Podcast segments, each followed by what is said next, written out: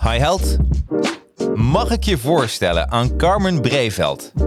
Carmen werd in 2003 verkozen tot internationale zwarte zakenvrouw van Nederland en liet haar bedrijf uitgroeien tot een miljoenenonderneming. En zij is auteur van het boek Het geheim van het All Boys Network. Zo doorbreek je als vrouw het glazen plafond. Het boek is vooral geschreven voor ambitieuze vrouwen die willen groeien in een bedrijf. Maar je kan deze tips ook heel makkelijk vertalen naar ambitieuze vrouwelijke ondernemers. In deze podcast leer je van Carmen onder andere hoe je solliciteert naar nieuwe klanten en hoe je LinkedIn hiervoor kan gebruiken. Maar ook heel veel tips omtrent netwerken. Oh ja, en stiekem zijn deze tips ook heel handig voor mannen. Enjoy. Yeah, advertising heroes. Let's go. Okay, the advertising heroes. Time for you to know. Help you get your name buzzing for the world. Time to show. Help create a market plan. Now it's time to get it rolling. Even offering you live and online courses. Yeah, yeah. Time to strategize. If you ready, let's begin. For your Instagram, Facebook, LinkedIn. Five years experience, the minimum. So they can help you step it up. Time to represent. Okay, can this ish crash? Knowledge is power. Advertising heroes. Yeah, you know that they got ya. Time to take it higher. Ready for whatever. Help your social media go to the next level. Uh, advertising heroes. And they ain't stopping. This ish crash? Knowledge is power. Advertising heroes. Time for you to show it. Help you represent your brand. Time to be heroic. Yeah. Advertising heroes. Let's go. En welkom iedereen bij een nieuwe aflevering van de Advertising Heroes podcast. Eigenlijk Jacarino's Advertising Heroes podcast. Eh, jeetje, we stonden deze week alweer op, eh, in de top 10 van Marketing Apple Podcast. Ook iedereen dank daarvoor voor het eh, bekijken en beluisteren. Bekijken op YouTube. Oh ja, YouTube, laat ik ook even zien. Als je nu kijkt via YouTube, vergeet dan even niet om op subscribe te klikken en op het belletje. Want dan krijg je notificatie als ik hier weer met een hele inspirerende gast zit. Advertising Heroes. Eh, wordt mij ook gevraagd, wat voor bedrijf is dat? Nou, met Advertising Heroes maken we hele gave social media campagnes. Zo leer ik je alles over LinkedIn, LinkedIn Sales Navigator, hoe je een webinar moet maken en hoe je, en hoe je dan kan adverteren via Facebook of LinkedIn. Hoe je podcast moet maken, nou, noem het maar op. En via Academy leer ik je hoe je, ze, eh, hoe je social media campagnes maakt. Dus eh, denk je van, joh, ik heb er geen tijd voor. Laat het dan over aan Advertising Heroes. En als je denkt van, nou weet je, ik wil het gewoon zelf allemaal leren, dat kan via mijn Academy. Dus eh, nou, even genoeg geplucht voor Advertising Heroes. Ja, en, ehm, en het format van deze podcast is dat ik iedere zondag lees ik één boek. En eh dat laat ik een beetje eh, tot me indalen. En vervolgens mag ik daar eh, over gaan praten met een auteur. En deze week, ja, niet alleen. Deze week heb ik een hele speciale gast. Carmen, welkom. Dankjewel. Ja, leuk man. Ja, eigenlijk missen we nu een publiek hè, die even een Ja. flink applaus geeft. Maar eh, Maakt niet uit. Nee, nee. Virtueel applaus. en eh, iedereen die denkt van wie is Carmen? Nou, ik pak even haar boek erbij. Je ziet hem ook bij mij achter in beeld. Het geheim van het eh, All Boys Network.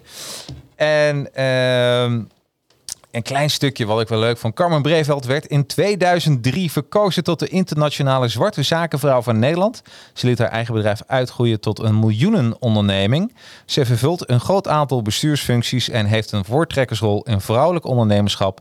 In dit boek, wat we vandaag dus gaan bespreken, deelt zij openhartig haar ervaringen, geeft ze praktische tips en volop inspiratie een must-read voor iedere gekleurde, maar eigenlijk voor iedere vrouw en zelfs man met ambitie. want daar kwam ik wel achter dat het een boek is voor natuurlijk vrouwen, want daar heb je het over in het boek, Ja. maar zeker ook wel voor mannen. Ja, dat denk ik wel. Ik heb eh, al heel veel respons van mannen gekregen die het gelezen hebben. En die Ja. zeggen van, joh, het is helemaal niet alleen voor vrouwen. Nee. Want het is ook een hele goede spiegel voor mannen. Omdat je in organisaties kom je eh, beide smaken tegen. Ja, Dus het is ook goed voor de mannen om te weten waar vrouwen tegenaan lopen. ja, Dus ja. het is voor beide eigenlijk goed. Maar goed, we wilden de focus houden op de vrouwen. En dat is ook slim. in Nederland toch een behoorlijke achterstand hebben als het gaat om die maatschappelijke ladder, economische onafhankelijkheid. En uh, dan kunnen vrouwen nog wel even een boost gebruiken. Ja, absoluut. En de, eh, als, je, als hier geluid in zat, dan zou dit rammelen met tips. Hier zitten zoveel tips in. Dat is gewoon niet normaal. En, uh, en ik was het aan het lezen. En ik lees even de mail voor wie ik naar je heb gestuurd. Van uh, Hi Carmen, gisteren heb ik je boek gelezen. Dus mail die ik dus heb gelezen, uh, verstuurd. Omdat ik ook veel ondernemers als luisteraars heb, lijkt me ook leuk om vertaalslag te maken naar niet alleen vrouwelijke werknemers, maar ook vrouwelijke ondernemers. Jouw tips zorgen ook voor deze doelgroep dat zij door het glazen plafond breken. Is het voor jou akkoord? Nou, je zei dat is helemaal akkoord. Ja. Fantastisch. Dus. Ja, ik ben al 25 jaar ondernemer, dus dat kan ik wel dromen. Ja. Uh, dus ik moest mij ook weer helemaal terug in de tijd uh, verplaatsen om dit boek te schrijven. Ja. Omdat het natuurlijk al 25 jaar geleden is dat ik zelf in een HR-management positie heb gezeten in een groot bedrijf. Ja. En uh, dan denk je, van, hoe heb ik dit weer gedaan? Hoe heb ik dat gedaan? Dus ik moest ook even weer terug in mijn geheugen. Back to memory lane. Ja, maar weet je, als je bepaalde dingen meemaakt, gebeurtenissen, vergeet je niet zo gauw, hè? Nee. Nee. Uh, zeker als het een bepaalde impact heeft. Hè? Je eerste sollicitatiegesprek naar een managementpositie. Je eerste salaris- of arbeidsvoorwaarden onderhandelingen. Uh, dat gaat nooit goed. Hè? Bij vrouwen gaat het gewoon nooit goed. Ook als je als vrouw heel goed bent, dan gaat het Ja. vanaf de andere kant niet goed. Nee. Omdat mannen nou eenmaal de neiging hebben om een vrouw altijd lager in te schalen dan dat de functie uh, aanbiedt. En ik heb geen idee waarom mannen dat doen. Maar dat gebeurt. Het gebeurt. Mensen willen Mhm. altijd kijken. Ik zal je maar even een tipje van de sluier lichten. Toen ik Ja. voor mijn MT-functie op gesprek ging. Uh, het was een uh, waanzinnig goed gesprek. Want ik kwam daar smiddags om vier uur via een uh, executive search bureau. Die had mij gehunt. En ik zat daar in gesprek met de baas van het bedrijf. Een van de business units van een grote concern. Een van Ja. de dertien. En uh, we zaten lekker in gesprek. Hij zei tegen mij van ja, je moet geen u tegen mij zeggen, maar uh, zeg maar gewoon uh, Jos. Ja. En ik kom natuurlijk met mijn Surinaamse achtergrond uh, altijd u en, Ja. en, en meneer en heer, weet je wel. Dus um, je bent niet gelijk zo van het jij en jouwe. Nee. Maar toen zei ik op een gegeven moment, vind je het goed als ik meneer Jos zeg? Toen zei hij, nou vooruit voor deze ene keer dan. Je moest het nog een beetje afleren. Ik moest het afleren, want als Ja. je iemand niet kent en het was nogal een markante persoonlijkheid. Volgens Ja. mij was die man 2 meter 10 of zo. Jeetje. Kwam bij de politie vandaan uit de korpsleiding. Dus het was ook een bonk van een vent. Ben Ja. nog steeds goed bevriend uh, met hem hoor. Want we hebben echt hilarische momenten gehad. Maar ik kwam daar en ik...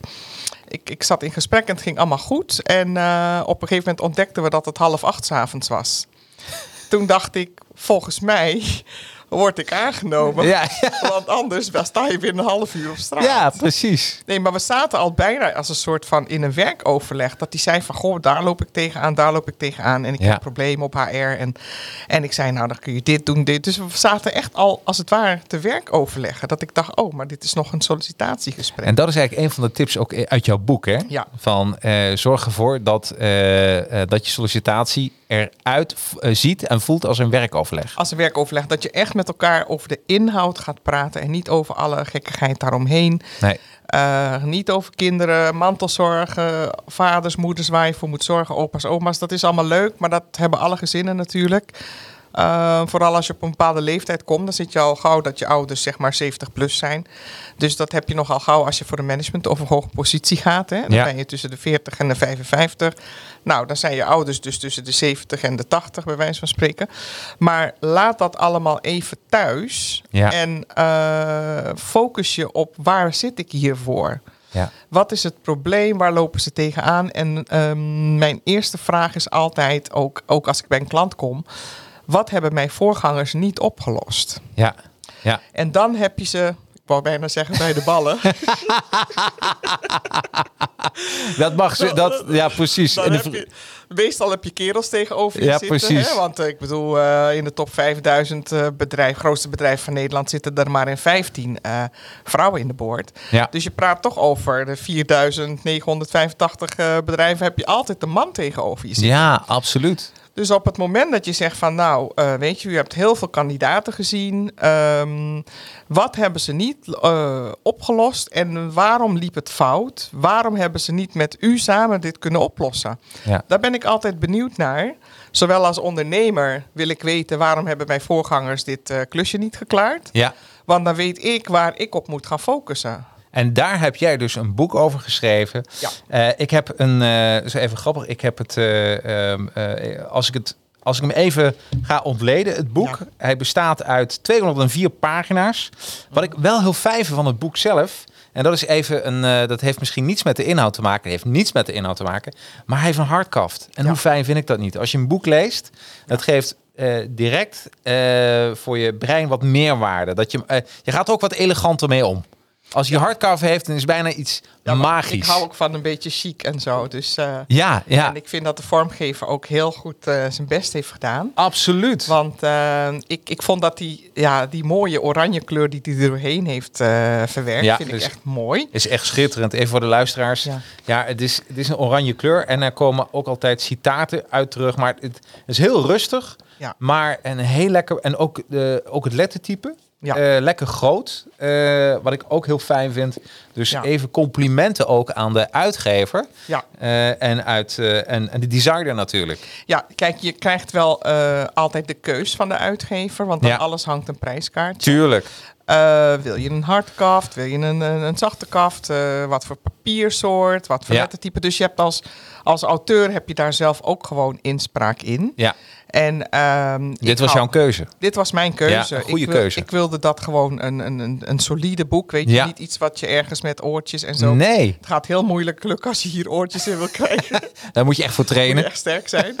Ehm, dus ik wilde dat ook gewoon eh, wat kwaliteit neerzetten. Ja, en dat dus- heeft ook te maken met het feit dat ik vind dat als je als vrouw iets neerzet, dat het ook gewoon hoogwaardig moet zijn. Mhm. Ehm, om, uh, op een gegeven moment, ja, je komt gewoon in een bepaald eh, een bepaalde niveau, een laag uit in Nederland als je in management, directie of met bestuurders eh, omgaat.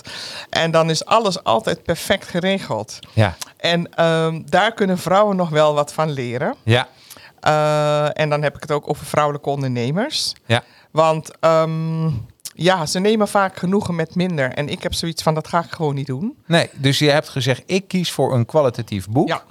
Hey, eh, om dit gesprek even, eh, ja, je moet af en toe ook even je, je keel smeren.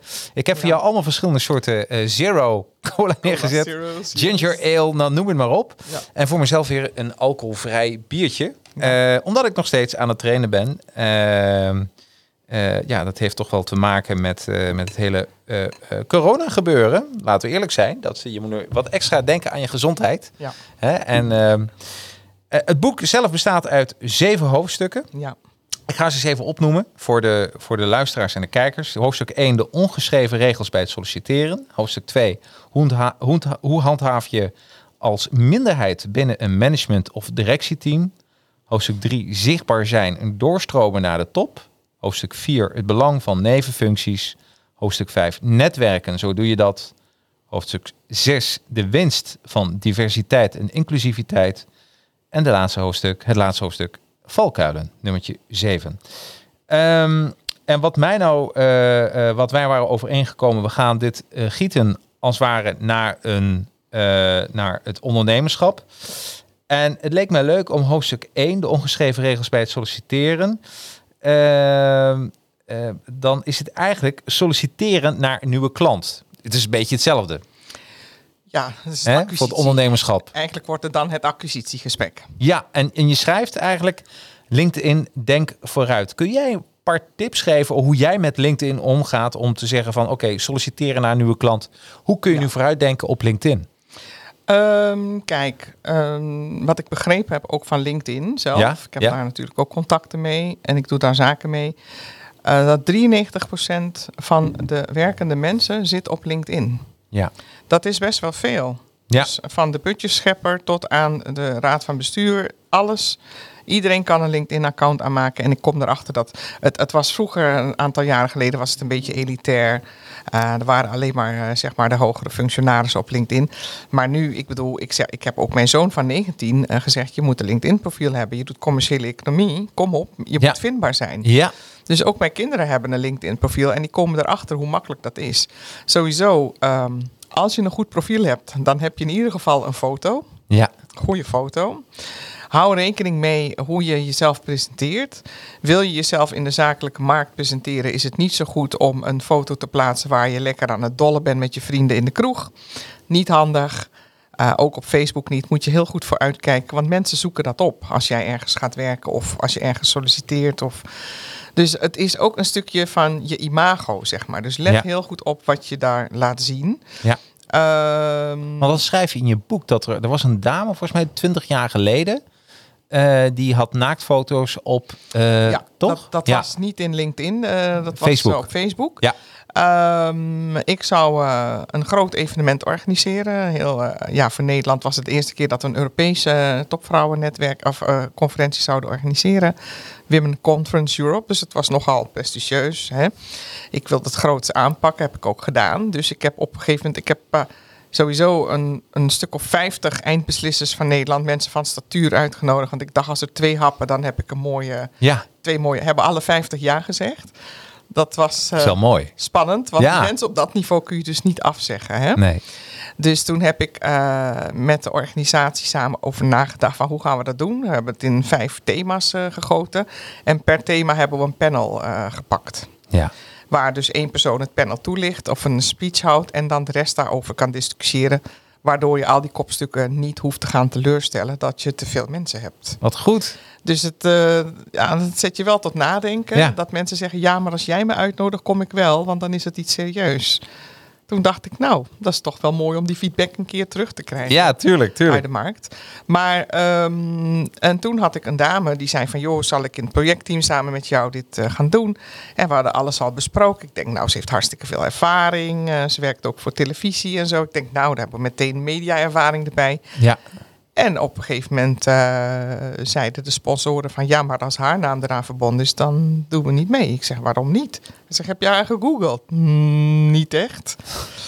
Eh, ja, het was in 2011. En toen bleek dus dat ze in haar jonge jaren had ze wat naakte eh, foto's. Ja, ja, ja. Ze was gewoon, ja, ze hebben haar gewoon gefotografeerd en gepubliceerd en heeft ze geld mee verdiend.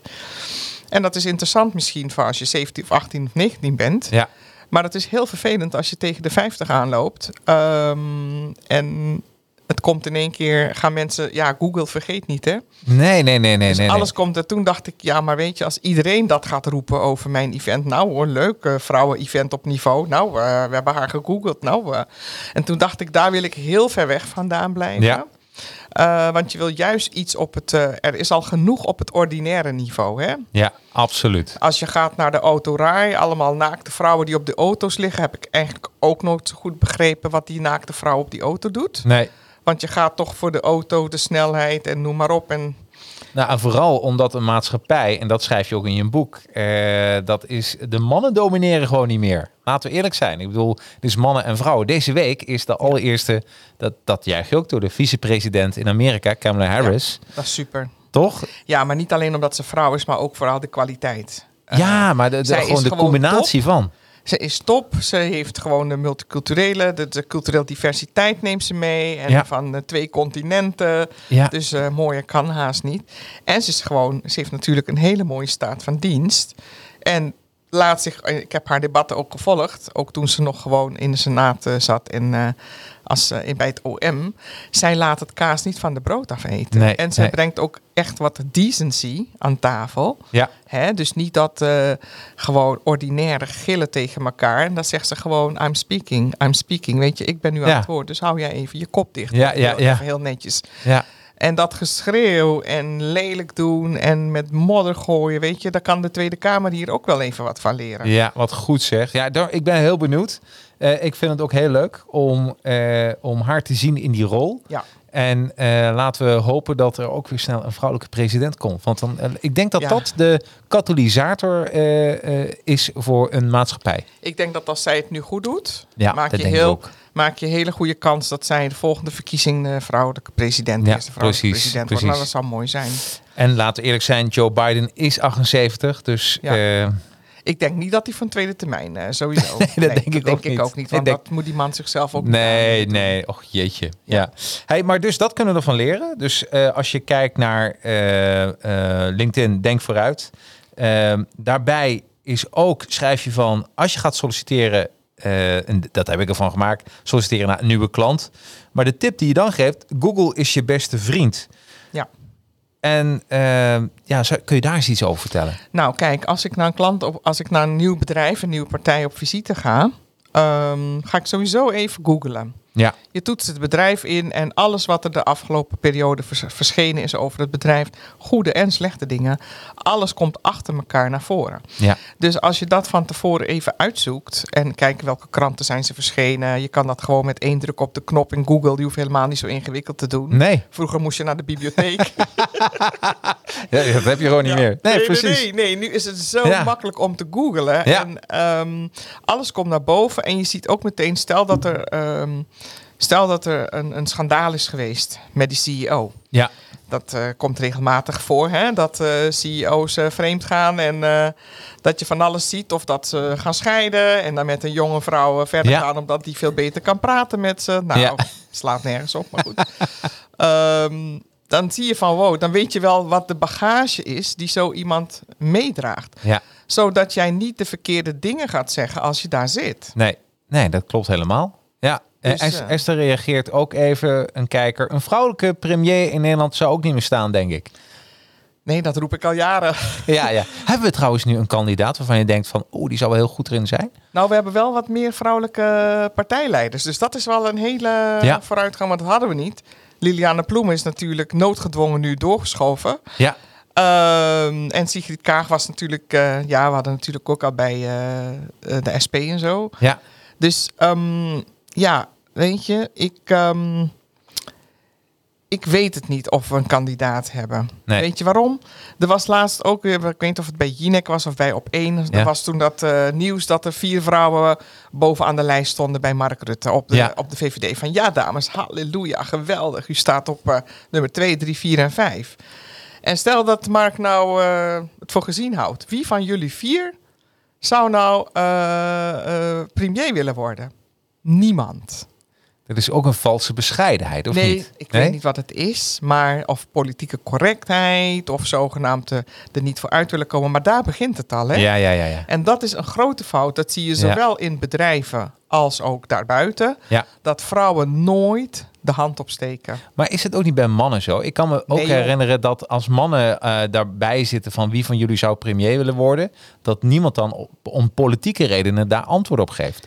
Nou ja, de mannen zijn iets geslepener. Ja, Die zeggen als het land mij nodig heeft en erom vraagt, dan zeg ik geen nee. eigenlijk zouden we een soort bingo-spel moeten maken. Wat moet je nu zeggen in deze situaties? Hè? Ja, want het is wel een goed antwoord. Als het land mij nodig heeft en iedereen vindt dat ik dat moet doen, dan zeg ik geen nee. Nee, En nee. die vrouwen bleven muisstil. En ik schrok ervan. Want ik Ja. bedoel, kom op, het is 2021. Doe Maar- even normaal. En ik kan me ook eh, voorstellen, Carmen, dat eh, die mensen denken toch ook, die dames denken toch ook vooruit. Die denken toch ook aan ambitie. Die hebben, toch- die hebben toch ook een iets, eh, een ambitie, een, wat ze ambiëren. Gewoon, daar wil ik staan. Nou, ik Of weet, zouden ze dat niet ambiëren, premierschap van Nederland? Ehm, ik weet niet of ze dat niet ambiëren of dat ze stiekem ambiëren en niet durven te zeggen. Want die partijdoctrine, dat is dus ook iets waar ik eh, nooit aan zal kunnen wennen. Hè? nee. Want je wil gewoon de dingen doen die voor Nederland het beste zijn. Ja. En niet omdat de partij dat vindt. Eh, dus die tweeslag die je hebt, dat eerst de partij een plasje eroverheen moet doen.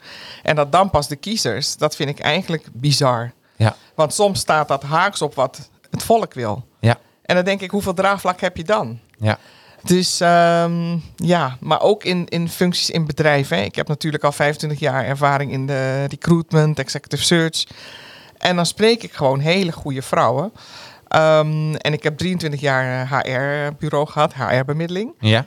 En HR, nou, een vrouwelijke ehm, discipline met veel vrouwen. Volgens mij is het 85% van de HR-populatie is vrouw. Ja.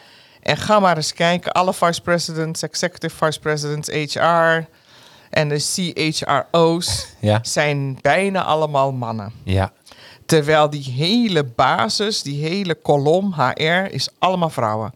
Dus je, je, je- ik kom VP, VP HR tegen met 35 vrouwen onder zich. En, en die doen het werk ook, hè? Ja, bizar Maar toch? de mannetjes die hebben de auto van de zaak. Ja. Die hebben de leuke uitjes, de borrels en eh, noem maar op.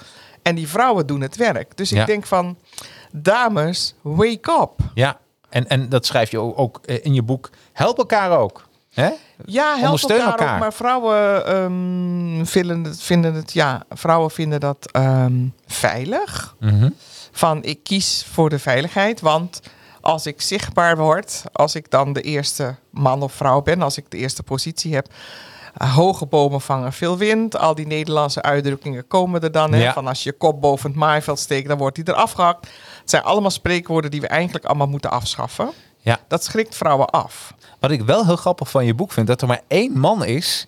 Want het boek bestaat ook uit anekdotes. Ja. En er is maar één man die eh, zich daar, die, die zei, daar wil ik wel aan meewerken. Eh, Luc Hermans, toch? Ja, nee, ik heb, ook maar, ik heb ook bewust ook maar één man gevraagd. Oh, één man gevraagd. Oké. Ja, ik heb Loek gevraagd omdat Loek... Ik werk nou al eh, sinds 2007 samen met Loek. Ja? Dus ik ken hem ook. En da- dan ja, word je automatisch meegezogen in eh, Ja, tuurlijk. al Ja. die netwerken. En ik ben ook in 2003, eh, toen de Federatie Zakenvrouw werd opgericht... heb ik me meteen aangeboden, aangemeld van kan ik wat doen? Want goed dat er een koepel is voor vrouwelijk ondernemerschap. En ehm, toen hebben ze gezegd, we gaan een aantal commissies samenstellen per thema. Dus commissie pensioenen, commissie sociaal beleid, al die verschillende thema's. En eh, niemand wilde de commissie politiek. Oh, En ik heb toen mijn hand opgestoken Ja. van ja, als niemand dat doet, dan ga ik dat doen. En het was een nieuwe commissie en die vrouwen hadden zoiets van, eh, vrouwelijke ondernemers... Ja, maar politiek is toch wel echt heel wat anders. Dat gaan we niet doen. Eh, al dat gedoe in Den Haag, veel te ingewikkeld. En ik heb niks te maken met politiek. Ik zei, ja, maar politiek heeft wel alles te maken met jou. ja, dat schrijf je ook in je boek. Ja, En dat is ook zo. dat is ook zo. Want Ja. als zij be- bepalen dat wij morgen 40% btw moeten betalen... Nou. ik bedoel maar iets geks... Kijk eens even naar heel corona. Ik bedoel de macro-economische omstandigheden van ondernemers. We worden allemaal geraakt Ja, ja. door de besluiten die daar in Den Haag worden genomen. En Oh. daar heb ik ook gewoon moeite mee. Ja. Want ehm, kijk, de politiek, de ambtenaren en, en, en de politici, het zijn geen crisismanagers. Nee. Dat weten we allemaal, maar we laten hun wel de crisis managen. Ja. Dus we laten Ja. het ook met z'n allen gebeuren. Ja. Nou snap ik ook wel dat de structuren nou zo eenmaal zijn dat de politiek dan het voortouw neemt. Maar ehm, waarom luisteren ze niet naar al die slimme CEO's die multinationals leiden? Ik bedoel, Fijke Siebesma hebben ze erbij gehaald. Maar eigenlijk, ik was echt blij toen Fijke benoemd werd. Ik had zoiets van, er bestaat echt een God. Eindelijk. Er Eindelijk. bestaat een God. Ja. Er is een God, Ja. dat hoort. Fijke wordt benoemd. Vervolgens komt hij in diezelfde bureaucratie terecht. Ja. Waarbij ook weer alle vraagstukken in de wacht worden gezet. En je hebt geen tijd met corona om te wachten. Je kunt niet zes maanden wachten op een besluitvorming of we wel of niet eh, eh, beschermingsmiddelen gaan gebruiken of gaan verstrekken aan de verpleeg- en verzorgingstehuizen. Want er gaan gewoon mensen dood. ja, tuurlijk. Ja. Daarom, het is heel, het is heel apart. Ja. Echt bizar. Even terug naar de topic. Ehm, wat ik ook heel mooi vond, eh, wat je schrijft, is eh, eh, praat, niet over eh, praat niet over concurrenten. Eh, Tenminste, dat heb ik er weer van gemaakt. Moet ik wel, Nee, maar dat klopt. Ik, eh, ik, ik maak de vertaalslag en zeg jij maar of die ondernemers. vertaalslag Ja. goed hebt gemaakt. Zullen we het zo afspreken? Prima. Ja, eh, praat niet over concurrenten en creëer de sfeer van op werkoverleg hadden we het over. En afspraken s'avonds, dat is wel een dingetje hè, voor heel veel vrouwen. Eh, ja, kijk, ik heb daar zelf geen last van, want Nee. ik heb natuurlijk de meest ideale man getrouwd. Ja, dus even eigenlijk Dus- ook een applausje voor hem. hè? Ja, eigenlijk ook, want Ja. eh, we zijn eh, in september waren we 30 jaar getrouwd. Oh, gefeliciteerd. kennen- We kennen elkaar 40 jaar. Oh, wat mooi. Dus ehm, ik denk ook niet dat hij van mij afkomt. Nee. want Op mijn leeftijd moet je niet aan iets nieuws beginnen. Nee, nee, nee, nee, nee, nee, nee, nee. We hebben gewoon blijven stalken. Gewoon blijven gaan, Ja. blijven stolken, lief zijn voor elkaar. Zo is dat. Maar ehm, ik heb daar dus zelf nooit last van gehad. Maar als ik dan vrouwen spreek, eh, of dat nou Nederlandse vrouwen zijn of vrouwen met een andere culturele achtergrond, dan is dat toch wel een dingetje. Dus ik, ik, en toen besefte ik pas eigenlijk wat voor gezegend leven ik heb. Ja, Dat ik gewoon tegen mijn man kon zeggen van... joh, ik heb vanavond met eh, Gerard een diner... want hij wil dat en dat contract met mij bespreken... of die en die opdracht. Want die mensen op het hoogste niveau... die agenda's zijn gewoon belachelijk vol. ja, En als hij zeg maar eh, een grote opdracht wil verstrekken... En dat moet allemaal in een half uur. Dan kan ik natuurlijk niet al die lastige vragen stellen van waarom heb je iedereen afgewezen die tot nu toe op gesprek is geweest? Want kennelijk zoek je iets wat je nog niet gezien hebt bij een Ja. kandidaat. Ja. Dan kan ik niet zo'n diepte-interview doen. Nee. Dus ik maakte dus afspraken met die mannen. Eh, dat zijn meestal HR-bazen of raad van bestuurniveau. Ja. Van, zeiden ze zelf van Carmen, het is nodig. We hebben vacatures, eh, ik heb er last van. Maar ik weet ook niet wat ik met die agenda moet. Zullen we dan ja, na zes uur even een hapje eten? Nou, jij zit eh, bijvoorbeeld in Zwolle. Ik zei, nou, weet je wat, dan zien we elkaar in Apeldoorn. Of kom naar Arnhem, ik zoek een leuk restaurant uit. Waar we rustig, hè, zonder allemaal luistervinkjes om je heen... Waar je gewoon rustig kan zitten praten. Want er komen natuurlijk ook heel veel vertrouwelijke dingen van zo'n bedrijf eh, Ja, tuurlijk. naar Ja. voren. Van dat speelt er, dat speelt er. Dus als je een directeur zoekt, dat, eh, vindt, dan moet hij in ieder geval dat kunnen oplossen. Dus er gaat heel veel vertrouwelijkheid over tafel. Ja. En dan zit je daar met iemand van 7 tot 11. En dan heb je wel een mega opdracht daarna van tonnen, een paar ton. Nou, ik moet je zeggen, mijn man is dan helemaal niet boos dat ik niet thuis heb gegeten. Nee, nee, nee, nee, nee, Nee, nee. hij zegt gewoon ga ervoor, wat leuk, weet je wel. Ja. Ga, ga, je, ga, ga dat invullen. Ga Ja. dat doen, ga meedenken. Absoluut. Ja, en je Dus- moet, en moet vooral ook niet zeggen, eh, en dat haal je dan eh, haal ik ook uit je boek, is eh, dat er als er gevraagd wordt met kinderen, Ja, dat je eigenlijk gewoon standaard moet zeggen, ik heb thuis mijn privésituatie goed geregeld. ja ik heb het Punt. goed geregeld. Je moet daar niet in details gaan Nee. treden. En ehm, ik moet je zeggen, ik heb twee kinderen. Een dochter van 25, Kimberly, en een zoon Elwin van 19. Ja. Ik heb er zes jaar tussen gelaten, want ik was als geschrokken van de eerste bevalling. je schrik je kapot, joh. Wat gebeurt? Wat overkomt mij nu? Ja. Nou, sowieso, eh, die zwangerschappen gingen heel voorspoedig. Dus ik had negen maanden nergens last van. Gewoon Nee. door kunnen werken. En bij eh, de eerste was ik nog in loondienst als HR-manager. De tweede was ik al ondernemer, dus heb ik te lang doorgewerkt. Ja. Eh, dan kom je er ook achter dat het allemaal niet zo makkelijk gaat, die bevalling. Want dat lichaam moet echt totaal tot rust komen. Ja.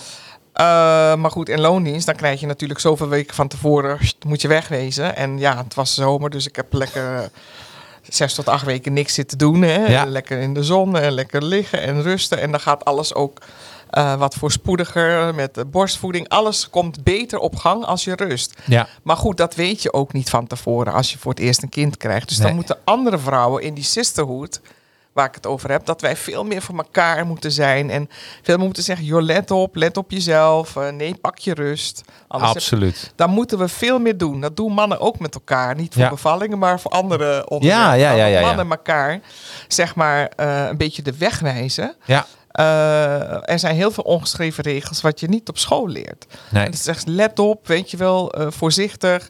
Ga niet, ik hoor dat die mannen gewoon zeggen, hè, ga niet met je Ferrari op gesprek, want dat gaat bij hun in het verkeerde keel gaat schieten. Ja, Pak tuurlijk. dan gewoon die Volvo van je vrouw. Of, Ja, ja, ja, ja, ja, ja, ja. Ja, want als jij daar komt met een Ferrari of een Porsche, dan ga jij de verkeerde signalen uitzenden. honderdduizend procent. En eh, eigenlijk wat je, wat je ook schrijft, wat, wat- ik, ik geloof gewoon dat heel veel, eh, ehm, zodra je over eh, privéleven begint, of je begint over koetjes of kalfjes, of over, je schrijft ook in je boek over de kapper, doe dat allemaal niet. Hou, de, hou het gewoon zakelijk en laat, en zelfs met een feestje thuis organiseren. Ja. Eh, doe dat ook niet. Ook ga niet eten koken voor, eh, eh, voor of je opdrachtgever of voor je baas. Ja, kijk, soms kun je hele lange vriendschappen hebben. Ja, dan worden zakenvrienden worden gewoon vrienden. precies. Dat heb ik ook met een aantal met een klein groepje gehad, weet Dat je vind wel. ik trouwens interessant wat je nu zegt. Want is het ook zo, daar gaat tijd overheen. Daar En- gaat tijd en, overheen. En, en wat ik wel heel vaak in het verleden heb gezien, is dat eh, eh, heel vaak denkt men dat je vrienden van elkaar bent, Ja, eh, omdat men gewoon aardig is. ja. Dus ook, ook daarvoor denk ik, dan moet je ook een vingerspitsengevoel hebben van, is het nou een vriend of is het gewoon een bevriende ondernemer of een bevriende baas?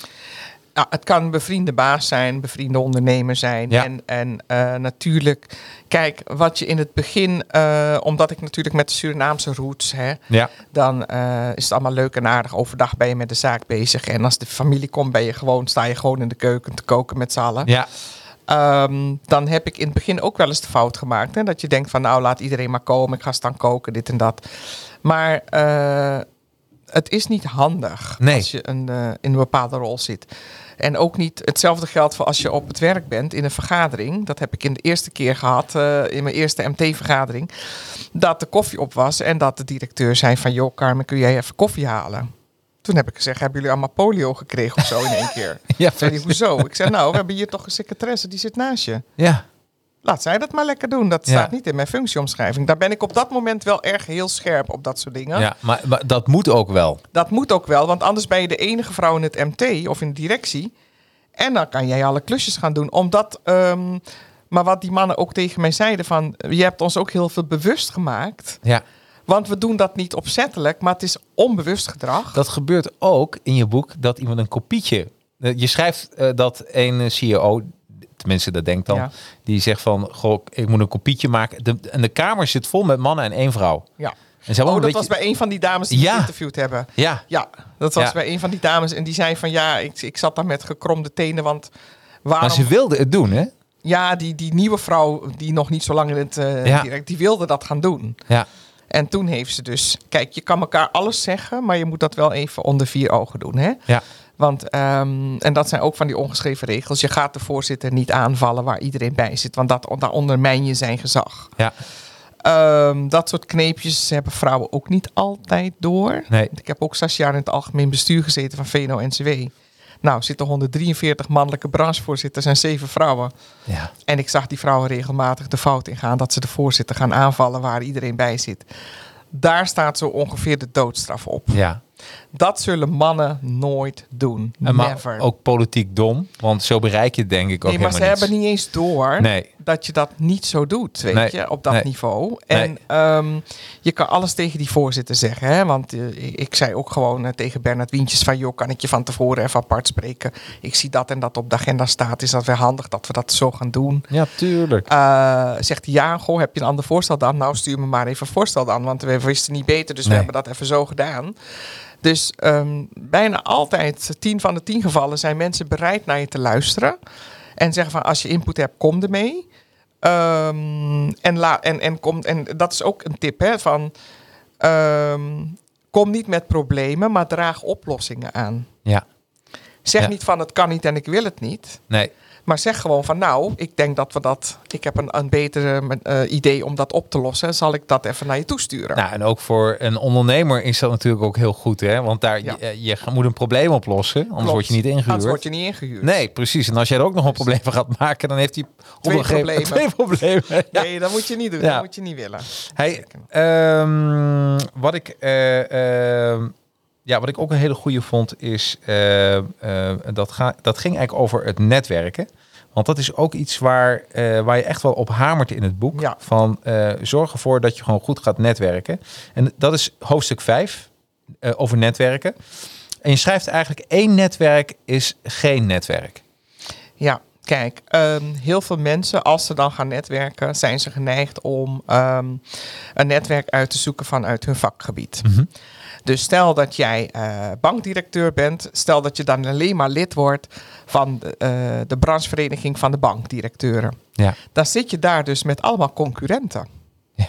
Die gaan nooit een product van jou afnemen. Nee. Want die hebben allemaal een bank onder hun kont. Ja, ja precies. Dus, en ehm, als jij slager bent en je gaat dan alleen maar bij het slagersnetwerk, die hebben ook allemaal vlees. Die gaan geen vlees bij jou Nee, kopen. nee, no way. Dus mensen staan daar onvoldoende bij stil. Mhm. Dat je juist natuurlijk je vakvereniging over je vak praten, heerlijk. Als jij eh, arts bent en je bent vrouw en je wordt lid van de vrouwelijke artsen, helemaal prima. Dan kun je met elkaar afstemmen over het vakgebied. Ja, Maar als je het hebt over eh, ehm, zeg maar slim netwerken, dat je zegt van joh, ik wil daar ook klanten uithalen, want als het over ondernemers hebben in dit geval, maar ook in loondienst hoor, dan is het handig als jij recruiter bent dat je niet alleen maar in het recruitersnetwerk Nee. zit, want die Nee. zitten allemaal te recruiten. Dan moet je in een netwerk gaan waar de mensen rondlopen die jij, waar jij opdrachten voor hebt. ja. En zo heb je eigenlijk verschillende groepen netwerken. Precies. En Je hebt het over, een, ik geef een paar keuzes. Als mensen nu luisteren of kijken, kun je voor jezelf even afvinken. Eh, eh, ontdek, eh, denk dan aan de woorden van eh, Carmen. één netwerk is geen netwerk. En kijk dan even of je in een branche-netwerk zit, een ondernemersnetwerk, misschien een gewoon een regionaal netwerk. Ehm, en er zijn ook speciale vrouwennetwerken. Is dat altijd slim om daar lid van te worden als vrouw zijnde? Als man Ehm, helemaal natuurlijk niet, maar Ehm, nee, die worden niet toegelaten. nee, moet je echt je best gaan doen. Moet je heel erg je best gaan doen. Ehm, kijk, niet schrikken, maar er zijn iets van 700 vrouwennetwerken in Nederland. Dat is veel te veel. Ja, ja. Veel te veel. Ja. Ehm, Bestaan er trouwens ook alleen mannennetwerken? Ja, genoeg. Ik heb er nog nooit van gehoord. Nou, heel veel... eh, ik ken wel heel veel vrouwennetwerken. Ja, maar heel veel clubs, hoor, volgens mij, ook de Rotary bijvoorbeeld, dan kon je vroeger niet erbij als je niet gevraagd werd of nog steeds niet erbij. En heel veel netwerken waren niet open, stonden niet open voor eh, vrouwen. Dat is nu wel veranderd, toch? Ik denk het wel, ik Jawel. hoop het ook wel. Ik Jawel. denk, maar ze zijn nog steeds wel in de minderheid. De vrouwen Ja. zijn in de minderheid. Hè? Ja, ja. Maar als jij gaat naar de Vereniging van Bankdirecteuren, nou, dan ga je niet echt een vrouw zien hoor. Nee, nee, nee, omdat er waarschijnlijk... Alleen, alleen maar mannen Ja, zitten daar. ja. Dus dat is wel. Dus eh, zijn er wel vrouwelijke bankdirecteuren? volgens, ja, volgens mij. Want dat is natuurlijk de vraag dan. Nee, als je het echt hebt over de, de CEO's van de banken. Ja, Volgens mij is er niet één vrouw. nee, dat- precies. Anders zou ik er wel kennen, Ja. denk ik. Ja, Dus dat is wel, je hebt natuurlijk wel managers en die niveaus daaronder. Maar echt, eh, als je het hebt over die bank, volgens mij, ik weet misschien als er eentje is, zou de Triodos Bank moeten zijn. Maar Ja. dat weet ik eigenlijk niet. nee, nee. Dus nee. kunnen we even opzoeken. Op Ja, precies. Googelen. Googelen. Gaan we googelen. Hebben we zo gedaan. Ja, ja, ja. Maar een vrouwennetwerk ehm, en, en eh, eh, de, de valka, eh, denk ik, is dus dat, eh, dat er dan toch ges- gesproken gaat worden over de onderwerpen wat je eigenlijk afkeurt in je boek. Dat hoeft niet. Kijk, Nee, je hebt vrouwennetwerken die zijn op verschillende manieren ingedeeld. Je hebt Ja. een regionale netwerk, dus je hebt het vrouwennetwerk Arnhem-Nijmegen bijvoorbeeld. Ja. Nou, Ja. daar kunnen alle beroepen in zitten. Hè? Alle, alle kunnen vrouwen zijn die een, een, een kledingzaak hebben. Maar het kunnen, kan ook een vrouwelijke arts zijn of een vrouwelijke fysiotherapeut. Dus daar loopt van alles rond. Ja. Eh, maar je hebt ook branche-netwerk, wat ik net aangaf, de Vereniging Vrouwelijke Artsen. Eh, dat, dat is dan een vrouwennetwerk, maar ze zijn allemaal arts. Ja, ja, ja. Dus ehm, het vrouw zijn is één. En dan ben je of regionaal gebonden of branchegebonden. Eh, ja, en, en, en dan moet jij gaan kiezen, heel slim gaan kiezen van wa- wat ga je dan doen.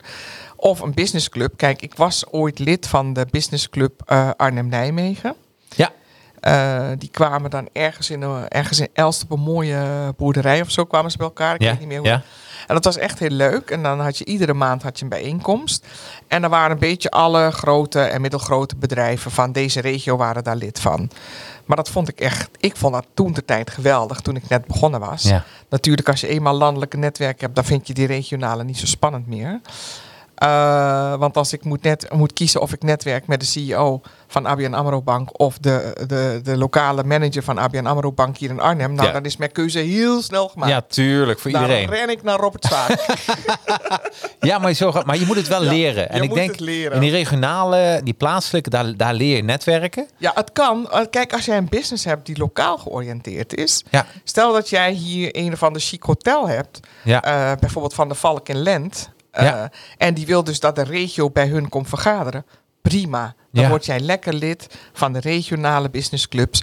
Want als zij in Lent moeten vergaderen, dan gaan ze echt niet naar Hilversum rijden. Naar je Nee. collega's, zeg maar. Dus voor, je moet ook kijken naar je businessmodel. Wat is je business? Ja. Waar zitten mijn klanten? Wie zijn mijn klanten? En welke doelgroep wil ik daarmee bereiken? En daar ga je aansluiten en een keus maken op die netwerken. En je zei, je had het, oh, je, wat je ook geweldig vindt, zijn eh, ochtendclubs. Ja, er zijn ehm, echt, het is echt gillen hoor. Want ik word altijd uitgenodigd voor eh, eh, het ontbijt, ondernemersontbijt van eh, de gemeente Den Haag. Ja, dat is even rijden. hè? Om zeven uur. Ja, geweldig. Dat is, Ja, maar weet je, ik ben gewend landelijk te werken. Ja. En vanaf het begin heb ik mezelf met mezelf afgesproken dat als ik heel vroeg ergens moet zijn, dan pak ik daar een hotel vlakbij. En dan gaan we niet lopen stressen 's ochtends met files of Nee, eh, nee. vijf uur 's ochtends Nee. in de auto zitten. Dat gaan we gewoon niet doen. nee.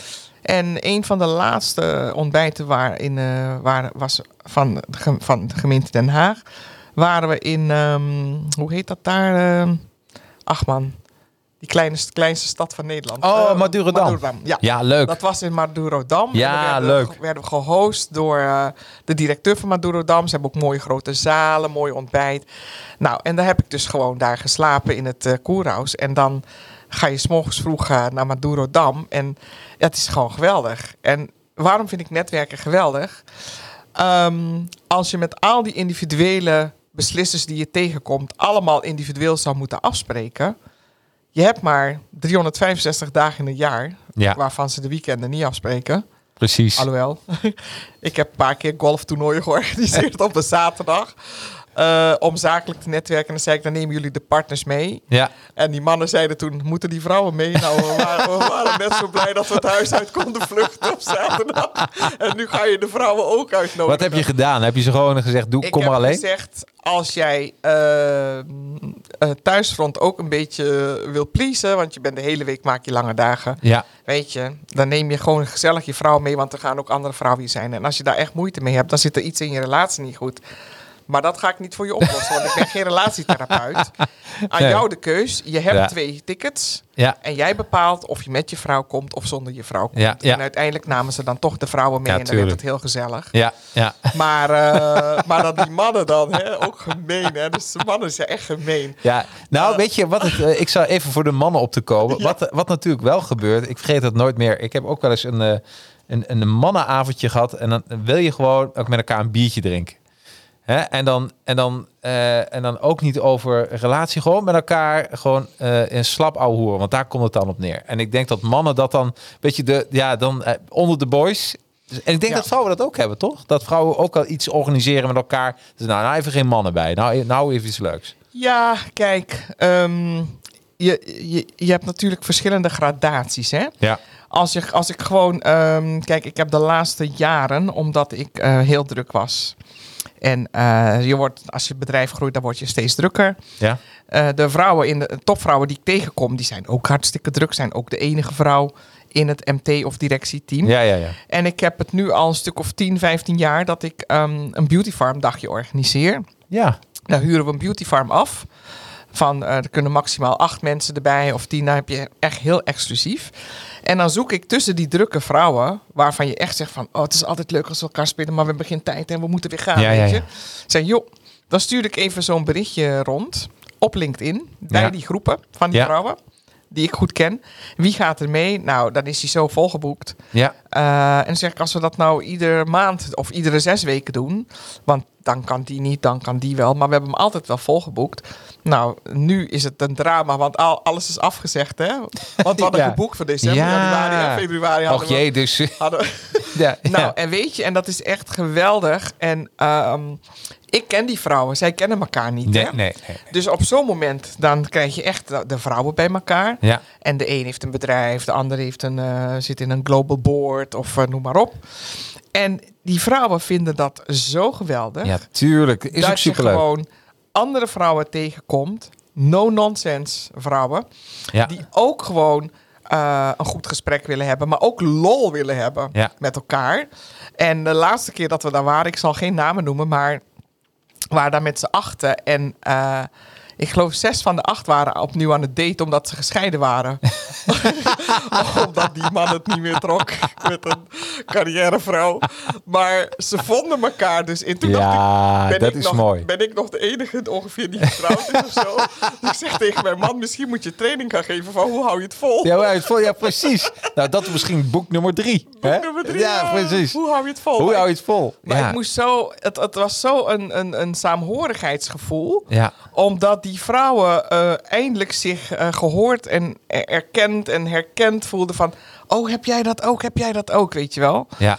En ehm, natuurlijk is het niet altijd leuk, want twee waren... ehm, waren ehm, wa- hun man is overleden, zeg maar. Dus, Ja. dat- dus dan, dan, dan denk je van, ja, weet je, dat plan je ook niet als vrouw. Dat je man in één keer komt te overlijden of zo. Nee. En die twee zijn nu vriendinnen geworden. En die zitten elkaar te steunen. En één is een boek aan het schrijven. Ja. Want eh, ja, die heeft al de tweede man eh, moeten begraven. Dus Jeetje. dat, weet je niet van tevoren. Nee, dat weet je ook niet. Man, en niemand wat- kan jou vertellen hoe je daarmee om moet gaan. Ja, En toen zei ze ook, dus die is, we hingen allemaal aan haar lippen. En toen zei ze ook van wat ik heel erg, is een boek aan het schrijven, wat ik heel ernstig vond, is dat je, als dat vrouwen je in de steek laten. ja. De vriendinnen gingen klagen, die man had kanker en die lag langdurig in het ziekenhuis. Dus op een gegeven moment was ze ook in het ziekenhuis, hadden ze ook voor haar een bed erbij gedaan om voor hem te zorgen.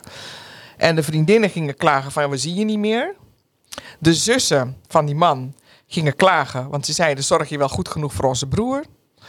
En ze zei, nou, ik, ik miste gewoon die sisterhood. ja, wat ik me ook Die kan voorstellen. steun. Ja, ja, Want het is al zwaar genoeg ja, dat jij je man stervende ziet. ja. En dan krijg je dus van de vrouwen geen steun. En dat vond ik wel zo heftig ook weer om te horen. Dat ik dacht van dan zit je in de meest kwetsbare positie van je, in je leven. En dan zou je juist wel wat steun kunnen gebruiken. Dat vrouwen zeggen, joh, kan ik nog wat voor je doen? En heb je nog wat nodig? Nee, dan worden ze boos dat je die afspraken met hun hebt afgezegd. Ja, ja, ik, Dus ja, ja. Ik, ik schrok daar wel van. Ja. Ik dacht van, wow, dat is echt... Dus, dus op dat moment stond er een hele hechte club ook. En toen zeiden ze, als we weer gaan... dan gaan we hem inclusief een overnachting doen. Want we, ze werden bijna boos dat we steeds geroepen werden voor behandelingen. Dit is een beetje waarom netwerken zo goed is. Ja. Eh, en vooral eh, niet alleen eh, het vaste programma, maar ook dit soort zaken. Ja, En daarom ben ik, pleit ik altijd van als we netwerk eh, hebben en s'avonds. Ik, ik vraag altijd, laat alsjeblieft de, neem geen partner mee. En waarom niet? En ik heb er ook een, een theorie over. Mhm. Dat heel vaak eh, mensen die, eh, de, de partner is net nieuw. Voor hun is dat een nieuwe, nieuwe club. Die Ja. denken, wat, wat gebeurt hier allemaal? ja, De, de man maakt zich, of de vrouw maakt zich dan een beetje zorgen. Die richt zich dan op de partner.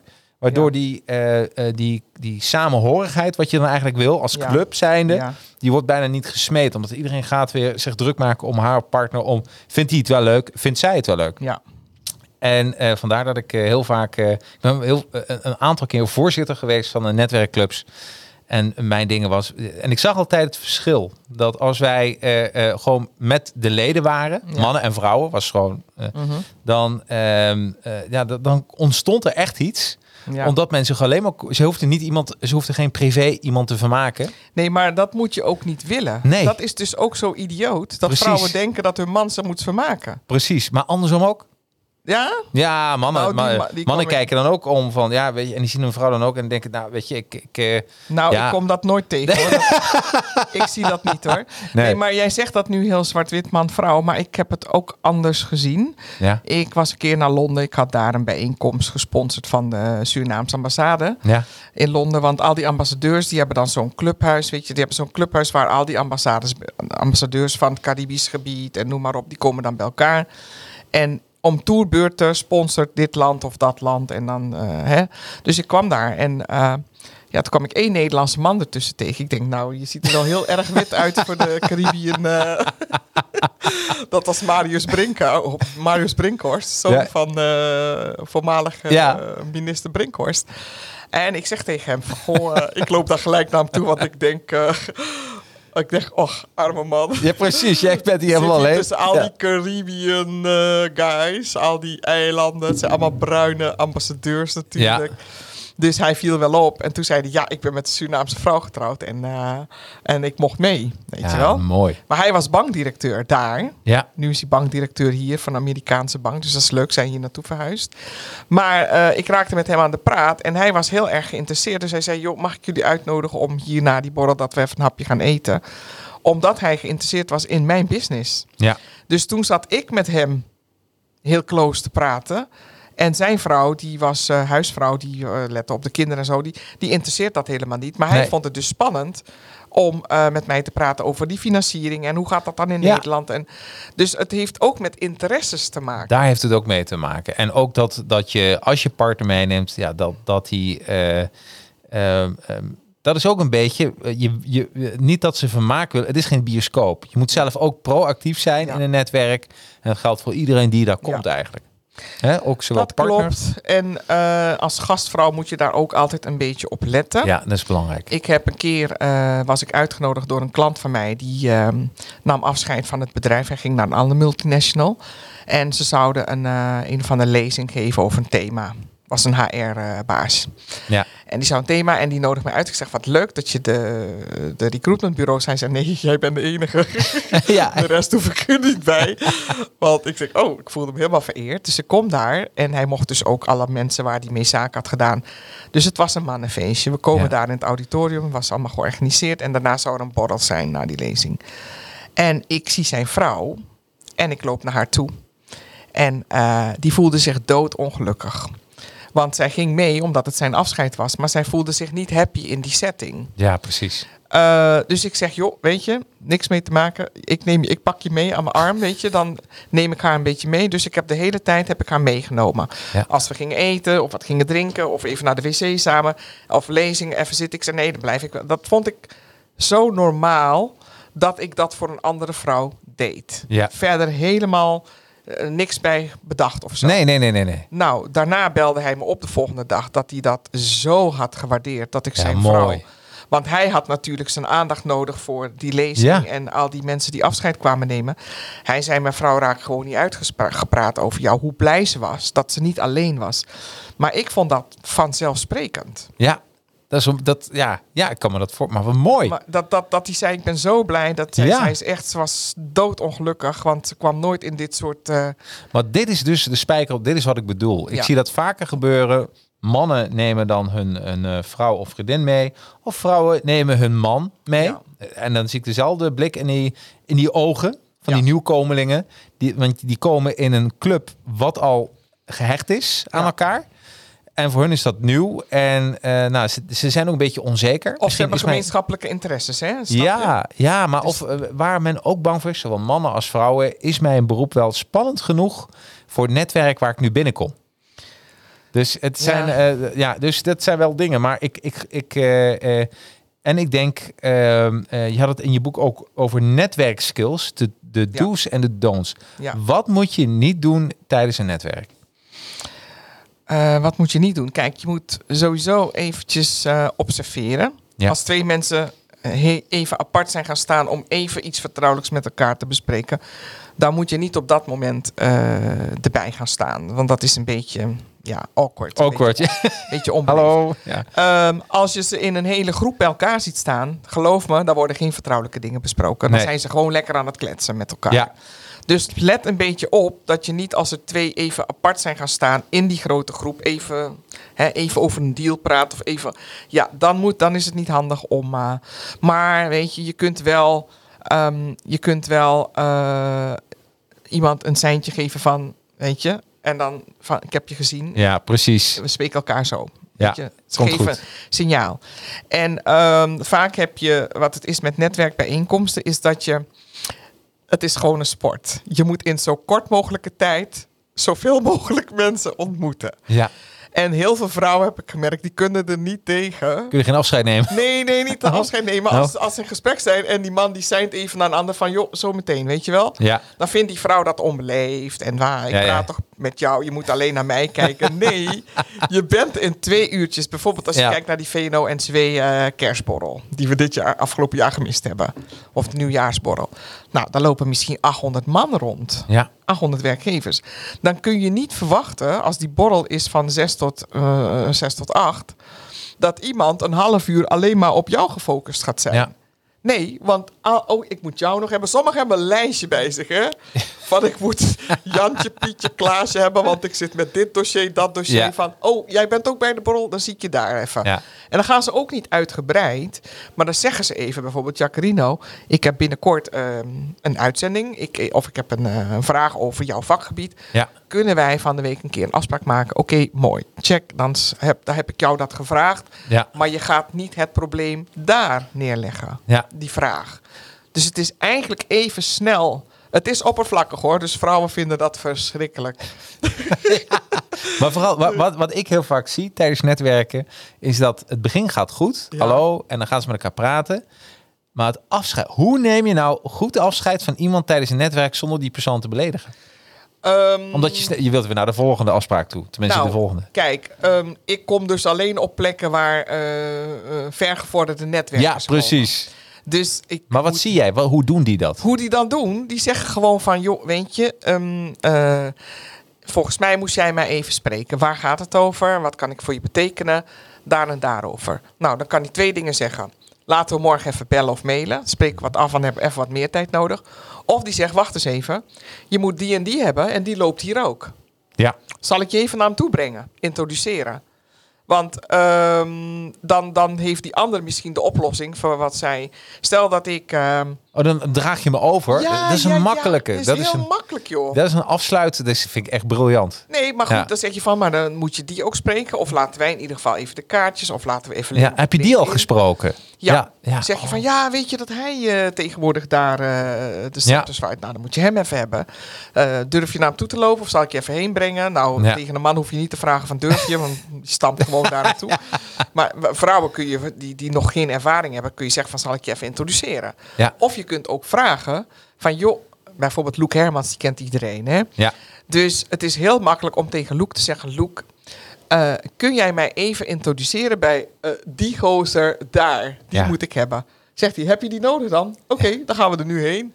Oh, wat goed. Eh hey, eh, Herman, ehm, deze charmante dame heeft jou nodig. Dus ik val weer buiten de prijzen, weet je Ja, wel. ja, ja, ja, ja. Ze wil jou, weet je wel.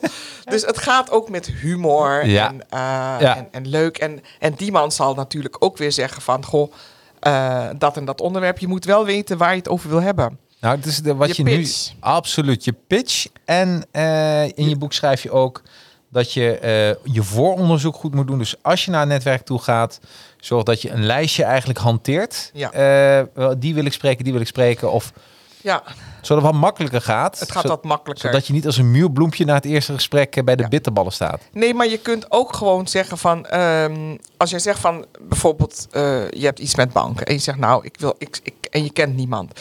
Kun je ook zeggen nou, ik wil de voorzitter van de banken spreken. Ja. Wie weet, eh, wie, wie is dat? Ja. Zegt, oh nee, dan moet je Chris hebben. Oh, ik zag hem net lopen. Zal ik even met jou naar Chris toe lopen? Ja. Dus je ziet een hele weerwaar van geloop en gedoe. En, Ja. En het is echt hilarisch. Ook bij, ehm, zeg maar bij Prinsjesdag. Dan Ja. gaan ze zeg maar na het formele gedeelte gaat iedereen... Nou ja, iedereen. Het is een heel select, select gezelschap. Van Ja. Ook een man of 800 tot 1000 hoor Ja. die daar dan eh, bij het plein, ze hebben daarachter, hoe heet dat daar? Dan, dan, dan, nou, ik weet daar zo naartoe te lopen, maar hoe heet dat daar? Dat zit tegen die Tweede Kamer aan. Dan gaan ze daar eh, borrelen. Dat Ja. is dan die, die, die Prinsjesdagborrel van VNO-NCW. Er Ja. staan allemaal mensen in die laan ook te kijken, want iedereen komt met hoedjes. En, eh, dus mensen staan zich daar te vergapen en foto's te maken en journalisten. En nou, alles komt daar langs. Alle CEO's, alles. Dus mensen staan daar ook. eh, ook al zou je geen uitnodiging hebben Dan nog. en je moet ze spreken. Ik Ja. zou gewoon daar gaan staan posten. Ja. Ja, ja, ja, ja, ja. Maar dat is, ja, maar dat Bij is wijze slim. van spreken. Ja. Maar ehm, ze komen er allemaal aangelopen, want je kunt niet met de auto. Dus je moet, die auto moet, moet je wegzetten. En dan komen ze allemaal aangelopen en dan gaan honderden mensen daar naar binnen. Ja. En, ehm, en dan kom je binnen. Het is stervensdruk. Ik heb mijn man één keer meegenomen. Hij zegt, nou dankjewel, ik pas. Want het is zo druk dat je echt ook met, met normaal fatsoen kun je niet vrijlopen. Nee. Want het is allemaal schuifelen en je hebt eh, een drankje in je hand of zo. En, en dan hebben ze buiten dan zo'n tent gebouwd dat, het, eh, dat je zo'n een, een overkapping hebt dat er ook een Ja. beetje van die menigte. En dan lopen ze weer flauwe grappen te maken van... Binnen is het oude geld, buiten is het nieuwe geld. Kom Carmen, we gaan naar buiten. Ja, ja, ja. Wat goed, hè? Wat goed. Dus heel veel humor, Ja. heel veel eh, gezelligheid ook. En ja, als je dan lange tenen hebt als vrouw, trek je dat echt niet. Nee, nee, nee. Ook een beetje zelfspot. Maar je moet ook een beetje lol hebben, foto's maken van, oh, ben jij dat? Weet je wel, oh, zullen wij even hè, Ja, ja, een op de foto even selfie even, en dan zit je gewoon die anderen te duwen, weet je wel. En dan, ja.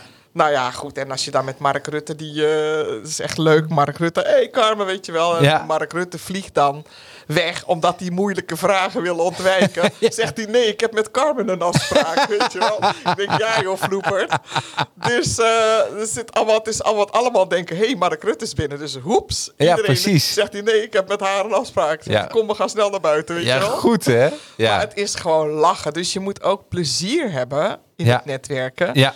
En eh, eh, mannen stellen ook anderen die nieuw bij het gezelschap stellen aan elkaar voor. Van kennen jullie elkaar al? Kennen jullie elkaar? Oh, nou, even kaartjes, hup, hup, hup. Daarom is dat netwerk, heb ik daar even op ingezoomd, is Ja. zo'n superbelangrijk onderdeel belangrijk. eh, in je acquisitie. En tegenwoordig zal het, je hebt ook nu online netwerkclubs. Ja, Daar heb je wat andere spelregels voor. Maar eh, als die lockdown weer wordt opgeheven, dan gaat dat ook weer lopen. ik mis dat echt heel ja, ja, heel veel mensen missen dat. Ja, heel veel Die mensen. gezelligheid. En ik bedoel, als jij eh, moet gaan bellen met de secretaresse om een afspraak te maken met haar baas. En die secretaresse schermt hem ook nog eens een keer af. Wanneer ga jij nou 800 beslissers bij elkaar, bij elkaar onder één dak tegenkomen? Daarom, ja. Dus je moet zorgen dat je op dat soort momenten er gewoon bent. Want dat schrijf je ook in je boek, de personal assistant. Ehm, die moet je eh, eh, in, va- in veel gevallen ook te vriend houden. Want Ja. dat schreef je bijvoorbeeld over onze koningin. Ja. Hè? eh, want iedereen wilde eigenlijk een afspraak hebben met, koning, met de koningin. En Ja. de personal assistant die zei stond van... op een afstand. Ja. We hadden een bijeenkomst gehad. Er was een soort kick-off van eh, die commissie PAVM in Amsterdam, in Amsterdam bij de gemeente de, eh, Amsterdam. En echt al die vrouwen sprongen op Maxima. Dus je zag echt het helemaal zwart staan zo van de mensen. En Maxima stond daartussen. Sowieso vond ik dat een beetje onbeleefd. Om Ja. met honderden, honderden vrouwen zo erbovenop te springen. Dan denk ik, Ja. Hoe fatsoenlijk gesprek kun je dan... Wat, je kunt toch geen gesprek hebben zo? Want Nee. iedereen schreeuwt door elkaar. En toen zag ik die vrouw op een afstand staan. En eh, ik denk, ja, ik ga een beetje daar staan bij haar. Hè? En toen bleek zij dus de PA te zijn van eh, prinses Maxima toen ter tijd. En ik zeg tegen haar, ja, maar dit is niet leuk meer, weet je, wat ze doen. En ik snap wel dat je het Maxima wil, maar dat, dan kun je toch geen gesprek hebben met zoveel vrouwen Nee, tegelijk. nee, nee. Toen zei ik dat tegen haar. En toen zei ze, ja, maar het is heel dom, want dan moet je bij mij zijn, want ik beheer die agenda. Ja, dat bedoel ik. Ja, absoluut. En Ja. toen zei ik, mooi, dan Ja. blijf ik hier bij jou staan. Dus het is eh, dus eigenlijk ook eens heel goed te weten wie is de personal assistant van degene die jij wil bereiken. Ja. Want soms zijn het poortwachters, Ja. daar kom je niet doorheen. En dan is- is een netwerk heel goed om. Maar soms is het ook wel een, ja, als je eenmaal goed kan Ja. met zo'n personal assistant, dan, dan gaat ja, het ook weer wat het gaat makkelijker. hè? makkelijker. En ze vertelt, ze geven je tips van dan moet je dit wil je, en dan moet je nog formeel hoor, want je Ja. moet nog, nog formeel een brief sturen. En waar vrouwen vaak een beetje ook de fout in gaan, is dat ze geen thema hebben wat ze met je willen bespreken. Nee, Eh, ja, ik wil haar zien. Ja, omdat ze de prinses of de koningin is. Nou, dat gaat niet werken. nee, ook dat voorwerk, niet. daar gaat het weer om. gaat hè? het weer om. Ja, Als je zegt, joh, ik wil wat organiseren voor topvrouwen en ik wil haar als spreker uitnodigen, ja, dan heb je een thema waarvoor jij haar wil spreken. ja. Ehm, dus als je gewoon, ik krijg nu ook nog steeds hoor, mensen die mijn boek lezen, die zeggen, ja, wilt u een keer met me afspreken, want ik, het lijkt me zo gezellig om u te spreken. Ja, Ja, met welk doel? ja. Ja, weet je? Nee, maar dat is, en dan Dus gaat het om. alsof je tijd hebt Ja, om honderden mensen privé te bezoeken, omdat ze het leuk vinden. ja. Dat gaat gewoon niet. Nee, tuurlijk Dus ik niet. zeg, als je een zakelijke reden hebt, als ik iets voor jou moet betekenen of iets voor jou moet doen, of Ja, je hebt even hulp nodig of je hebt een contact nodig, wees alsjeblieft concreet. ja. Want eh, tijd is het enige wat eerlijk verdeeld is op aarde. Die is mooi. Dat is, bij, dat is bijna een, een, een, een tegeltje waard. Ja, Toch? we hebben allemaal evenveel tijd. En Ja. de vraag is, hoeveel, hoe ga jij met die 24 uur om? Ja, helemaal mee. eens. Sommigen slapen 16 uur, Ja. Ja, ja, ja. en werken 8 uur. Bij mij is het andersom. ja, precies. Bij de meesten. Dat Ja. ik 16 uur eh, werk en dat Ja. je s'avonds laat denkt van om 1 uur, 2 uur, ik moet toch wel een beetje, beetje- gaan slapen ja, volgens precies. mij. Ja, ja. Dus ehm, dat vertel ik ook. Van, anders kun je al die nevenfuncties niet doen hè, als je Nee. om 8 uur naar bed gaat. Nou, want dat is ook... We, het uur is alweer voorbij, eh Carmen. We kunnen nog wel even doorgaan. Jij wilde hè, een, onderwerp, een voorwerp. eh, Ja, da- dat is mijn laatste. Want dat is Ja. eigenlijk... ja, want je had een voorwerp meegenomen. Kun je Ja. er iets over vertellen?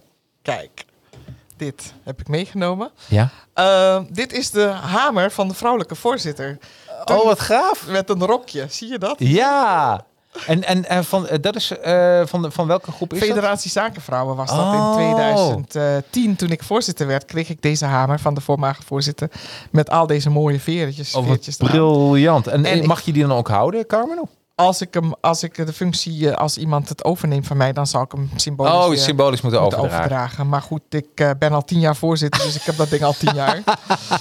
En, ehm, en ik heb die, eh, die, die organisatie omgevormd naar eh, Women Entrepreneurs Netherlands. Ja. Omdat niemand in het buitenland gaat googlen op Federatie Zakenvrouwen. Nee. Spreken geen Nederlands. Nee, natuurlijk. tuurlijk. Nee, nee, ik kan me voorstellen. Dus ik kreeg dit en ik vond hem leuk. En eh, ten eerste geeft het een soort van autoriteit aan. Hè? Want als, je, Ja. als mensen naar jou moeten luisteren, dan moet je met die hamer, eh, Absoluut. hè, die moet je die hamer gebruiken. Maar het heeft ook iets liefs eh, overheen. Omdat die veertjes en die rok, dat rokje. Dus ik vond het een beetje vrouwelijk leiderschap. Ja, wat mooi. Ook voor de luisteraars. Het is inderdaad een hamer met een soort rokje en eh, een kraaltjes. verentooi. Ja. Hè, een rode verentooi bij de hamer. eh. Maar ik vond ook, ehm, het deed me ook wel weer denken aan Suriname. De Indianen. De, veren. Ja, ja. Het, maar het heeft ook het heeft iets van carnaval, toch? Ook eh, een beetje dat vrolijke. Het is vrolijk, Maar dan heb ik het ja, over Braziliaanse carnaval. carnaval hè? nee. Niet Nederlands. Nee, ja, dat kan. Ja, Ja, daar hebben ja, ze ook inderdaad heel veel veren. ja, Maar ik vond dit, dit, dit deed mij denken aan de Indianen. ja. Oudste bewoners natuurlijk, oorspronkelijk bewoners. En waarom ik daaraan dacht of denk, is dat, weet je, ehm, we hebben nu klimaatproblemen. We hebben allerlei problemen, hè? Mhm. overstromingen, noem maar op, klimaatakkoord, Parijs. De Indianen hebben toen al gezegd, we hebben maar één aarde. ja. Als je daar niet zuinig mee omgaat, krijgen we gigantische problemen. En die werden weggezet als eh, barbaren en noem maar op. Hè. Eh, ze- waren niet eh, geschoold en noem maar op. Maar dan zie je dat alles wat ze toen voorspeld hadden, Ja, dat komt uit. ja. En wij hebben wel die scholing en wij hebben wel de universiteiten en technische universiteiten. En we weten precies wat er fout gaat. En dan nog doen we het. Dus, ik, ehm, dus ik, ik, ik vind dat altijd zo bijzonder dat zeg maar al die ancient eh, eh, bevol- bevolkingsgroepen, dat die al door hadden van eh, hoe zuinig je eigenlijk moet zijn op aarde. Op, Ja. op de, de, de bossen die eh, gekapt worden en weet je, de natuur die gewoon totaal Absoluut. aangetast wordt. Absoluut. Dus ik moet er ook wel eens aan denken. Eh, ik was ooit een korte vakantie, waren we aan Mexico geweest toen we nog geen kinderen hadden. Daarna zijn we nog wel eens terug geweest. Maar dan heb je ook van die Inca-cultuur. hè. Dan hebben ze van die piramides en alles wat ze gebouwd hebben. En ze hadden daar helemaal geen materieel voor om dat te kunnen doen. En eh, toch allemaal wiskundige berekeningen gemaakt. eh, dat als je aan de ene kant van het veld staat en je roept wat, dat iemand aan de andere kant van het veld precies kan verstaan wat je zegt. En er zat gewoon een voetbalveld tussen. Ja, Maar dat was dan door zeg maar die wiskundige berekeningen, hoe ze dat, dat vind ik dus echt briljant. briljant. Dan denk Ja. ik, die mensen waren gewoon briljant. Ja, ja, nee, absoluut. Maar die hadden die hogescholen en Nou, universiteiten niet. Mensen, mensen zijn nog steeds theorieën van eh, hoe de piramides in godsnaam zo zijn gebouwd. Precies. Hè? Dus, Dus daar eh, mogen we ook wel wat meer respect voor hebben. Juist. En ze niet eh van, ach man, weet je. nee hoor, nee, nee, Dus, nee, nee, nee, nee, nee. Zeker. En zeker dat klimaatverhaal, wat natuurlijk super actueel is en alleen maar actueler wordt. Ja, Omdat de grootste vervuilers er niet aan willen beginnen om dat te verhelpen. ja. Dus dat wordt nog wel een hele. Dat was deze, deze week ook weer in de nieuws. Hè? Dat, eh, dat het nog verder gevorderd is, eh, het klimaatprobleem, dan de mensen dachten. Dus Ja. dat is, eh, ja, Esther zegt, zij leven met de aarde en kennen hem. Wij leven van de aarde en staat er, staan er te ver Ver vanaf. vanaf. Ja, dat geloof ik ook. Ja, Ja, absoluut. helemaal absoluut. waar. Dus Hey, maar helemaal goed. Dankjewel, eh Carmen. Ik vond het echt superleuk. ben Ik je had- tevreden met alle ondernemers? eh? Absoluut. Nou, weet je wat het is? Eh, Ik zou tegen iedereen willen zeggen: ga dat boek kopen van Carmen. Want daar leer je ook heel veel over online werken. Je, we hadden het over de ge- geheime regels van het netwerken. Dat gaat nog een stukje dieper. Ook nevenfuncties, ook belangrijk voor een ondernemer. En waarom? En eh, eh, wat zijn de geheime ingrediënten om door te stromen? Nou, Ja. allemaal dat soort zaken staat, staan allemaal in het boek van jouw ehm, eh, van jou eh, eh, staan allemaal in jouw boek. Maar als, ik wil eigenlijk eindigen met een van de dingetjes die je schrijft. En dat vond ik een opmerkelijke. Iedereen heeft het altijd over van, ja, wil je verder ontwikkelen, is het goed om een mentor te zoeken. En je zegt, zoek geen mentor, maar zoek een sponsor. Wat is het grote Ja. verschil? Nou, ehm, een mentor die, ehm, die kan jou misschien wel wat tips geven. Ja? Maar een sponsor die, eh, die brengt jou ook daar naartoe. Ja. Dus het is, het is niet zozeer het, het adviseren, weet je wel. Als ik aan jou zeg van ja, ehm, als ik zeg van joh, jij zou, eh, het zou goed zijn voor jou om eh, voor een voetbalstadion te werken, bijvoorbeeld. Ja? Is wat anders dan dat ik zeg, ik, ik introduceer je bij de CEO van, eh, van de, de arena. Ja, Honderdduizend procent. Ja, Ja, want dat heeft veel meer waarde. ja, Want eh, die laat het ook gebeuren, zeg maar. ja. Dus- Misschien is dat ook wel de overtrappende eh, stap van een coach. Een coach Ja. is een soort mentor. Ja, En een sponsor is echt iemand die jou mee op sleeptouw neemt. die laat het gebeuren. Ja, En wat ik dus ook aan vrouwen adviseer is, ehm, zoek iemand die jou eh, de weg kan wijzen. En dat je zegt van, joh, we gaan nu ook trouwens, dat wil ik nog even kwijt. Ik ben bezig, eh, want de SER heeft de Topvrouwenstichting overgenomen, met topvrouw.nl. Ja? Dat is die database waar meer dan 2500 vrouwen in zitten. Dus het heet nu SER Topvrouwen. Ja, wauw. En ik ben daar nu bezig een academy voor op te zetten. Wat leuk. En wanneer gaat dat het levenslicht zien? Wij gaan, eh, ja, we moeten even kijken. Ik heb, ik heb al een voorstel gemaakt en die zijn we aan het uitwerken nu. Maar ehm, we, zijn ook een beetje afhankelijk van die corona. Want het is natuurlijk, als dat ook weer alleen maar online is, dan heb je die hele sisterhood eh, Ja, niet. sfeer heb je niet. Hè? Nee. Dus ik hoop van harte dat het zeg maar dat we in juni eh, aan de slag kunnen. Dus het programma wordt nu uitgewerkt en de trainingen worden nu uitgeschreven. Wat leuk. En mijn boek is daar dan ook een leidraad in. Ja. En dan gaan we dus ook andere sprekers uitnodigen. Bijvoorbeeld eh, die directeur van de debatacademie wil dan de vrouwen leren onderhandelen. Dus binnenkort als die vrouwen weer op gesprek Oh, gaan. Gijs Wenink. Ja, Gijs. die Oh, die, ja, die is hier twee weken geleden geweest in de uitzending. Oké, nou Ja. Gijs eh, die heeft mij benaderd en zegt van mag ik ze dan leren onderhandelen en eh, debatteren. Ja, oh, daar krijg je geen spijt van. Precies. Dat doet hij supergoed. Dus ik wil alleen maar zeg maar dat soort mensen die echt een autoriteit zijn op hun gebied, wil ik ook in het programma gaan betrekken. Ja. Janneke Wittekoek bijvoorbeeld, de, de cardioloog, die de vrouwen dan iets moet gaan leren over eh, work-life balance en wat het met je lijf doet. Ja. En hoe voorkom je dan die hart- en vaatziekten? Nou, super belangrijk. Ja, wat goed. dus die ga ik allemaal, al die kanjers, ga ik bij elkaar brengen. En dan gaan we daar eh, de Topvrouwen Academy. eh, nou, ik, eh, ik ga tot de voet volgen als man zijnde. je mag ook komen. Ja, oh leuk. Ja, superleuk. Ja, nee, maar dit is superleuk. Ja, Ja. Nee, ik, ik steun dit soort initiatieven. Ja. En, eh, want netwerk is heel belangrijk, zowel online als offline. Ja. En je kennis natuurlijk. Dan mag jij een verslag gaan uitbrengen over eh, wat er gebeurt. En dan kun je de vrouwen een training geven. Leuk. Ja, absoluut. Ja, nee, ben ik altijd Nou, voor. Nou, bij deze. Nou. Hey, hartstikke bedankt. Ik, nogmaals, ik zeg tegen iedereen, koop het boek. Zowel mannen als vrouwen. Want dat is, eh, daar ben ik, ik heb het met heel veel plezier gelezen. Ja. En, eh, en eh, mijn vriendin heeft het boek ook op tafel zien liggen. En die dacht van, Wat- Jacques, waar, waar, wat ben je aan het doen? is verdacht, hè? ja, vooral als je, zo doorbreek je als vrouw het glazen plafond. Weet je wel? Dan Jij bent super verdacht thuis. Ja. Je hebt het wel uitgelegd. Ja, ik heb het uitgelegd. Ik zeg, luister de podcast maar. Nee, maar hartstikke goed. En volgende week heb ik ook een powervrouw. Dat is El- Elisabeth Griffioen. En die heeft een boek geschreven over videomarketing. En eh, die gaat daar volgende week over hebben. Volgende week vrijdag om 4 uur. Ja, ik ben nog heel veel dingen vergeten. eh, eh, maar daarvoor is het uurtje ook. Ja. Dat mensen toch een beetje een smaak krijgen van jou en van je Nou heb ik vandaag alleen met jou kunnen netwerken. Ja, En ik heb toch wat gescoord. nou daarom. Want ja, jij gaat nu bij onze academy. absoluut. Heb ik jou nu al eh, gestrikt. Ja, ja, maar dat eh, weet je. Dat, Je had het dat- niet eens door. Nee, nee, nee. Maar ik vind het nu al leuk. En, eh, en toen je zei, Gijs doet mee, dacht ik van, dat wil ik ook meedoen. Ja, leuk. super. Er wordt toch Hey. weer een paar mannen erbij. Ja, precies. Ja, ja, ja. Superleuk. Hartstikke bedankt. Ik vond het ook geweldig. En, en nou, ik, ik nogmaals, koop het boek. En eh, topvrouwen, dat gaan we gewoon blijven volgen. Ja, dankjewel. Dankjewel.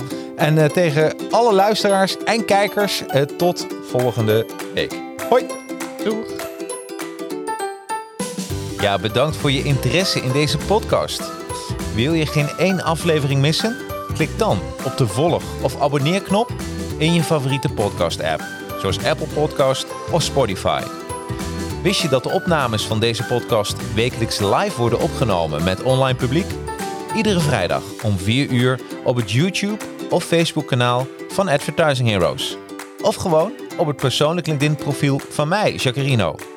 Over LinkedIn gesproken, connect met mij. Zoek op Chacarino en nodig mij uit voor een connectie. Zet in het bericht dat je deze podcast hebt geluisterd. Ik voeg je dan heel snel toe tot mijn netwerk. Last but not least, zou je deze podcast een paar sterren of een review willen geven? Dan gewoon via Apple Podcast of via mijn LinkedIn pagina. Zou helemaal geweldig zijn. En ben je van plan om een social media campagne te lanceren? Met Advertising Heroes maken we gave social media campagnes. En via Academy leer ik je hoe je ze maakt. Nou, tot de volgende aflevering.